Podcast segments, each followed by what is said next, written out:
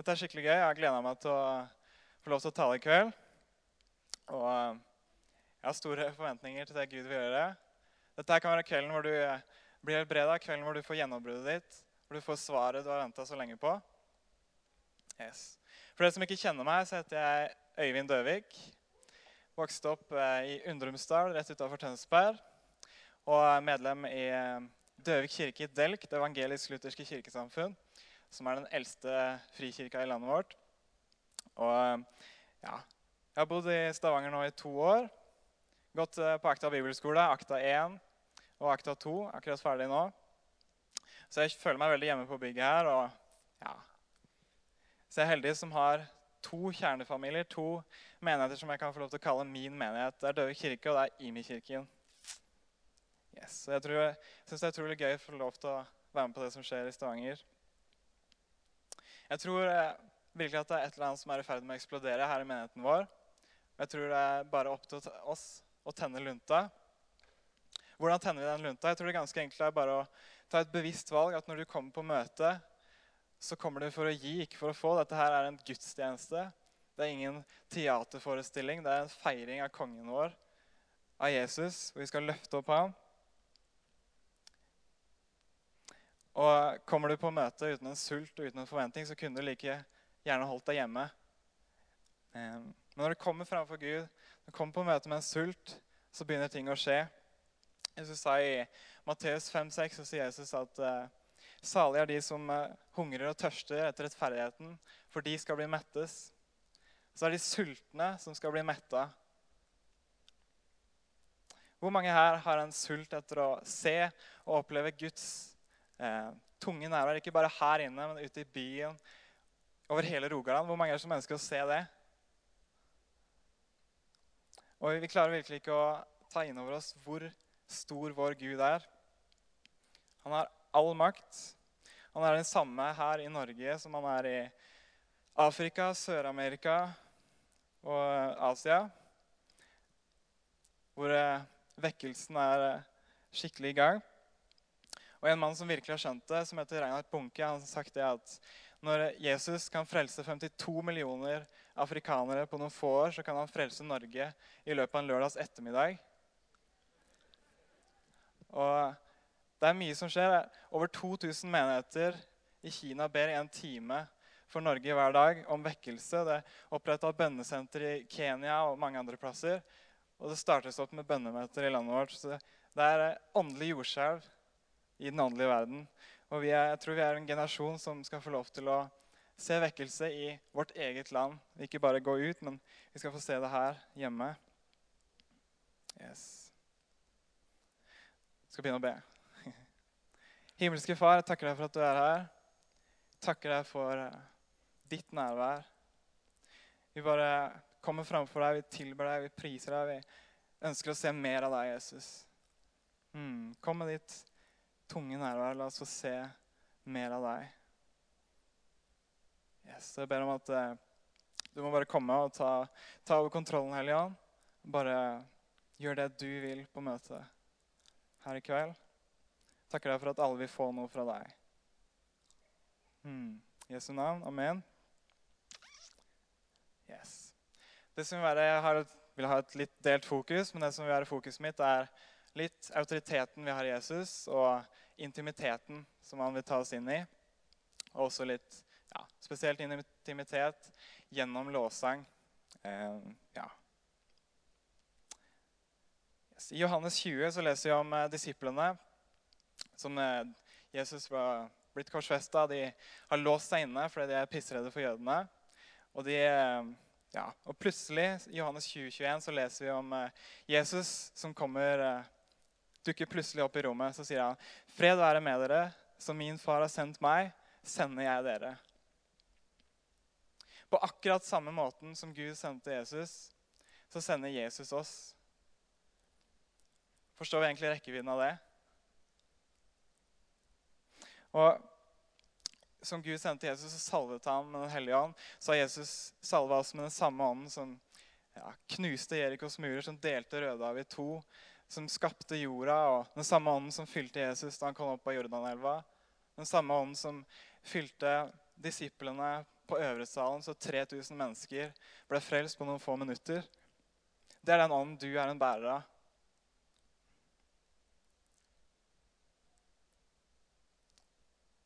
Yes. Den som tror på meg, han skal også gjøre de gjerningene jeg gjør. Han skal gjøre større gjerninger enn disse, for jeg går til min far. Johannes 14, 12. Så til og med større gjerninger enn Jesus har vi mulighet til å gjøre. Jesus han gjorde bare det han så Faderen gjøre.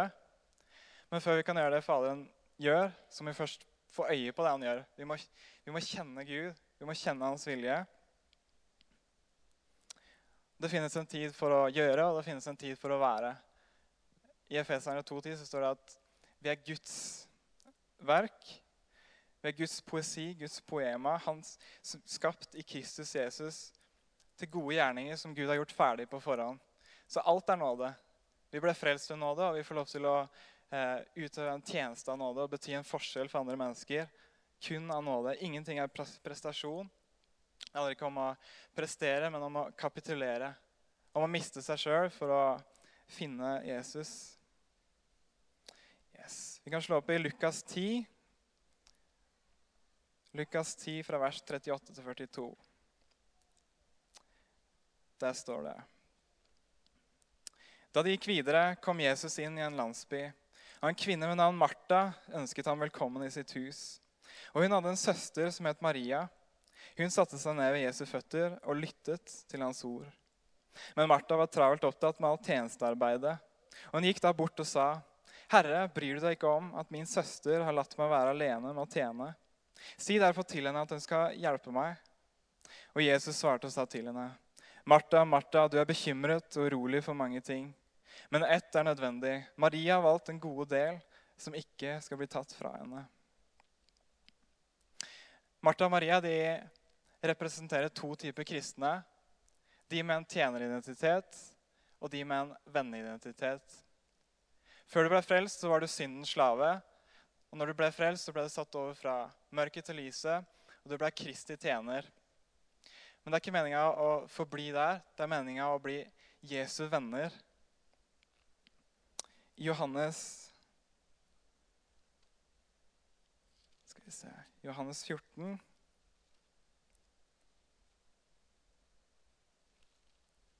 Så står det Johannes 15, 14. Så sier Jesus, 'Dere er mine venner hvis dere gjør alt det jeg befaler dere.' 'Jeg kaller dere ikke lenger tjenere, for en tjener vet ikke hva hans herre gjør.' Dere har jeg kalt venner, for alt jeg har hørt av min far, har jeg også gjort kjent for dere. Dere har ikke utvalgt meg, men jeg har utvalgt dere og satt dere til å gå ut og bære frukt. Og deres frukt skal vare, slik at alt det dere ber min far om i mitt navn, skal han gi dere.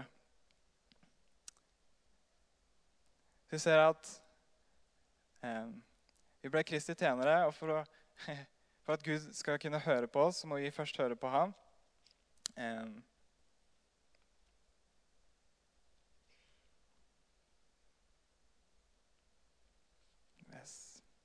Jesus sa til Martha at uh, Martha, Martha, du er bekymret urolig for mange ting. Når du har en tjeneridentitet, så vet du, helt, du vet nesten aldri hva som er helt på Guds hjerte. Um, og du ender opp med å gjøre en hel masse ting som Jesus aldri ba deg om å gjøre. Istedenfor Maria som uh, satte seg ned ved Jesu føtter og lytta til hva Jesus ville si. Søk først Guds rike og hans rettferdighet, så skal du få alt dette andre i tillegg til det. Og alt dette andre i tillegg, Jeg tror ikke det handler bare om eh, mat og klær og tak over hodet, men alt som representerer riket. Det overnaturlige, kristne, naturlige li livet som vi alle er kalt å leve. Og det handler om å søke Gud. Det begynner å skje ting eh, når du søker Gud. Plutselig så befinner du deg i en ferdiglagt gjerning eh, i den mest dagligdagse situasjonen. Disiplene gikk sammen med Jesus i tre år. Og de dilta etter Jesus og gjorde som de ble fortalt. Og, um, men det er ikke meningen å forbli der. Det er ikke meningen å forbli tjenere. Jesus vil ha noe mer. Han vil ha en intim relasjon, et intimt vennskap med deg. Yes. Vi har blitt tildelt en helt enorm autoritet. Jesus sier i Lukas 10, 19, Se, jeg gir dere makt til å trampe på djevler og demoner over all den makt fienden har. Noen ganger kan vi lure på hvor det blir av all den autoriteten. Det, hvis du ber for syke, og de ikke blir helbreda um, Men vi, i, i, Jesus det står at vi har all åndelig velsignelse i den himmelske verden i Kristus. Og Det betyr at når vi har det i den himmelske verden, så må den først manifesteres i det naturlige. Og det kan ofte ta tid. Og da må vi velge å bare fortsette å presse inn og ikke gi opp, så vil gjennombruddet komme. Eh, ja. Jeg har eh, Noen kjenner litt av historien min. Og jeg er utrolig takknemlig for det Gud har gjort i livet mitt. Han har helbreda meg fra angst, fra melkeallergi, og jeg får ikke lenger vondt i huet når jeg ikke bruker briller. Og eh, det er fantastisk. Samtidig så har jeg pollenallergi og jeg har en kranglete rygg. Men jeg vet at Jesus har betalt for alt. Ved Jesus sår har vi fått legedom. Så jeg vet at når jeg ber Gud etter hans vilje om helbredelse, f.eks., når du gjør det, så svarer Gud deg umiddelbart. Men det kan være ting som hindrer i den åndelige verden, som vi ikke skjønner. Og da er det viktig å ikke ja, begrense Gud ned, ned, til vår egen erfaring, bare stole på Gud. For det er ting vi ikke skjønner. Og, men når vi står i tro, så vet jeg at gjennombruddet kommer. Yes. I Romerne 8,11 og Efeserne 1,20 så står det at den samme ånden som reiste Jesus opp fra de døde, bor i oss som tror. Men den må bli aktivert. Paulus ba for oss i Feserne for over 2000 år siden at vi måtte vokse i erkjennelse, som er et annet ord for å vokse i tro. Vokse i vår erkjennelse av det som allerede er oss gitt. Jesus har eh, allerede betalt for alt. Han sitter ikke oppe i himmelen og helbreder eller tar imot piskeslag. Det har han gjort en gang for alle. Så jeg har lyst til å fortelle fortelle en morsom historie. En eh, mann som heter John G. Lake, hadde en helt fantastisk helbredelsestjeneste. Eh, og i 1910 så var han og assistenten hans de var i Afrika. Og pesten herja, og de hjalp helt gratis lokalbefolkningen med å ja, De gikk hjem til hjemmene til folk, de henta de døde og de begravde dem, men de ble ikke smitta. Så når eh, pesten herja på sitt verste, så var det en lege som satte bud på Lake og liksom spurte hva som var hemmeligheten liksom, til at de ikke ble smitta. Og da svarte han Broder, det er livets ånds lov i Kristus Jesus. Jeg tror at så lenge min sjel er i kontakt med den levende Gud, slik at Hans ånd strømmer inn i min sjel og kropp, så vil ingen bakterier noensinne henge ved meg. For Guds ånd vil drepe dem. Og så inviterte han legen da, til å gjøre et eksperiment. Eh, til å ta skummet fra dødelig skum fra en som hadde dødd av pesten, og legge det under et mikroskop. Så han gjorde det. Han fant en masse levende bakterier. Og så overraska Lake alle i rommet. Det var flere som så på dette her. Og sa liksom ba legen om å spre dette dødelige skummet på hendene hans.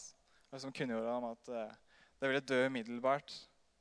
Og det gjorde det. Til alles overraskelse så fant legen ut at med en gang kom i kontakt med hendene hans, så døde bakteriene. Det er Den hellige ånd som er i deg. Da du snur deg til personen ved siden av deg og så sier du at du er en åndelig kraftplugg av dimensjoner.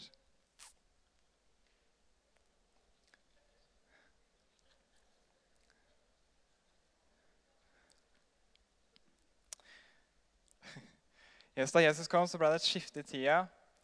Eh, I Markus 1,15 så sier Jesus at eh, tidens fylde er kommet, og Guds rike er kommet nær. Og det ble et skifte fra lovens til nådens tidsalder. I Johannes kapittel 1 så leser vi om eh, Jesus som kaller Nathanael til eh, disippel. Han gir et kunnskapsord som Nathanael blir veldig imponert av. Og så sier Jesus i vers 51 eh, fra nå av skal dere se himmelen åpnet og Guds engler stige opp og stige ned over menneskesønnen. Og himmelen den har aldri blitt uh, lukka. Nå er det vi som er verdens lys. Nå er det oss. Englene stiger opp og stiger nedover gjennom bønnene våre. Og gjennom Jesus har det evige livet starta allerede nå. Jesus sier i Johannes 17,3 at dette er det evige livet, at de kjenner deg, den eneste sanne Gud, og Jesus Kristus, han som du har utsendt. Så vekkelse det er å kjenne Jesus. Det starter i deg ved at du søker å bli kjent med Gud og bli kjent med hva han tenker. Se for deg himmelen. Eh, alt som er eh, bra og godt i denne verden her, det er bare en skygge. En liten smakebit som det, det som vi møter i himmelen.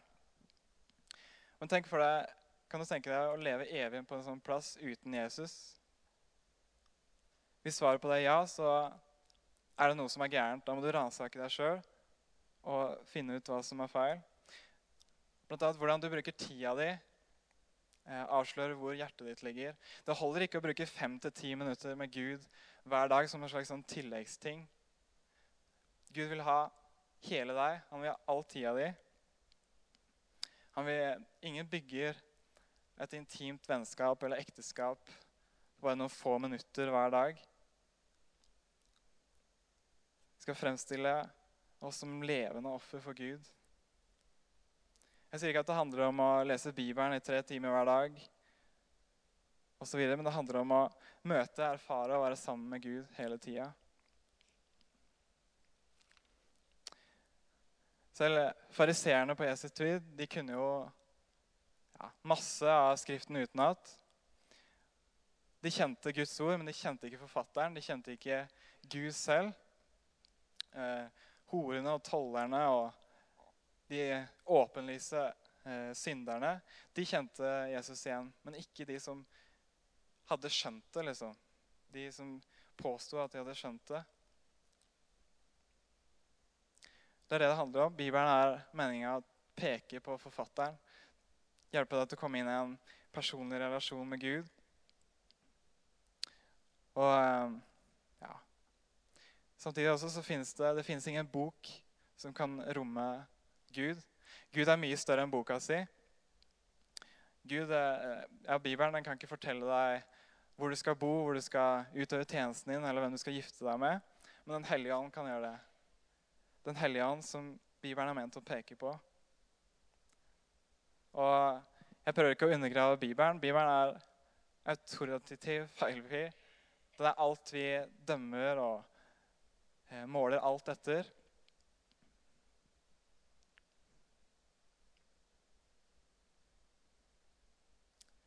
Yes. Guds ord det er dynamitt. Det er et tvega sverd som bare borer seg inn i hjernen din, som borer seg inn i sinnet ditt og bare skjærer ut tankebygninger som djevelen har putta der. Kunnskap som reiser seg mot Gud. Og Guds ord bare skjærer det ut og helbreder. Og helbreder deg fra innsida ut.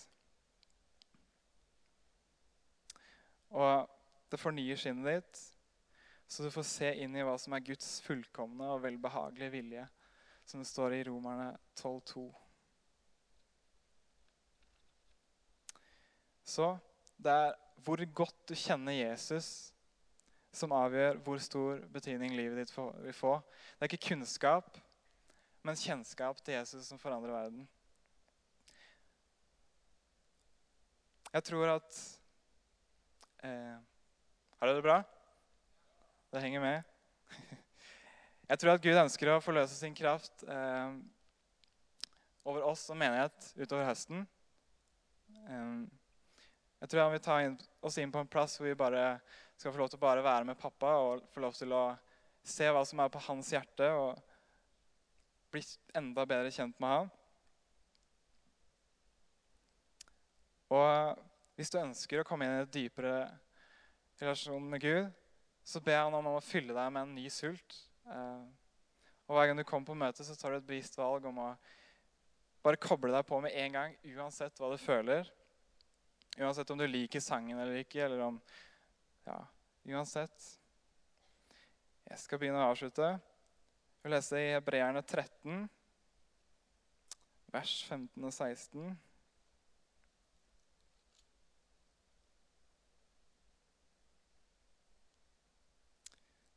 se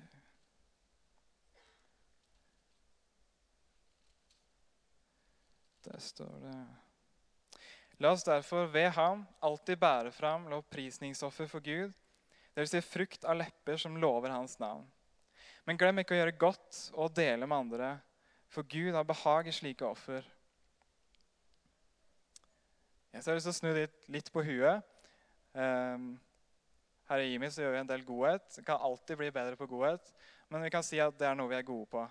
Hvis vi bytter om de, eh, så kan vi se Vi må ikke glemme å alltid bære fram lovprisningsoffer for Gud. Vi må ikke glemme å bære fram frukt av lepper som lover hans navn. Så jeg har lyst til å lese noen vers fra Dommerne 1. En kul vers, skal vi se.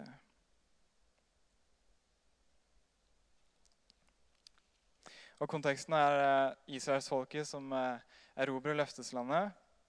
Inntar Der står det Etter at Josfa var død, skjedde det at Israels barn spurte Herren og sa:" Hvem skal være den første til å dra opp for oss mot kanonerene for å stride mot dem? Herren sa, Juda skal dra opp. Jeg har sannelig overgitt landet i hans hånd. Så sa Juda til sin bror Simeon, dra med meg opp til det landområdet som har tilfalt meg, så vi kan stride mot kanoneerne. Da skal jeg også dra med deg til det landområdet som har tilfalt deg. Og Simeon dro med ham. Disse versene her gir egentlig liten mening før du får øye på hva navnene Simeon og Juda betyr. Simeon betyr hørt, bønnesvar, og Juda betyr lovprisning. Så hvis vi leser det igjen. Etter at Josfa var død, skjedde det at Israels barn spurte Herren og sa.: Hvem skal være den første til å dra opp for oss mot kanarnere for å stride mot dem? Herren sa, lovprisning skal dra opp. Jeg har sannelig overgitt landet i hans hånd. Så sa lovprisning til sin bror bønnesvar, dra med meg opp til det landområdet som har tilfalt meg, så vi kan stride mot kanonerene. Da skal jeg også dra med deg til det landområdet som har tilfalt deg. Og bønnesvaret dro med ham. Så løftes landet, altså erobringen av Kanan, det er et bilde på tida vi lever i. Et bilde på tida hvor vi eh, bare presser oss inn og bare eh, ja, får himmelen ned på jorda. Guds rike allerede nå. Og det handler om at vi må Skal vi se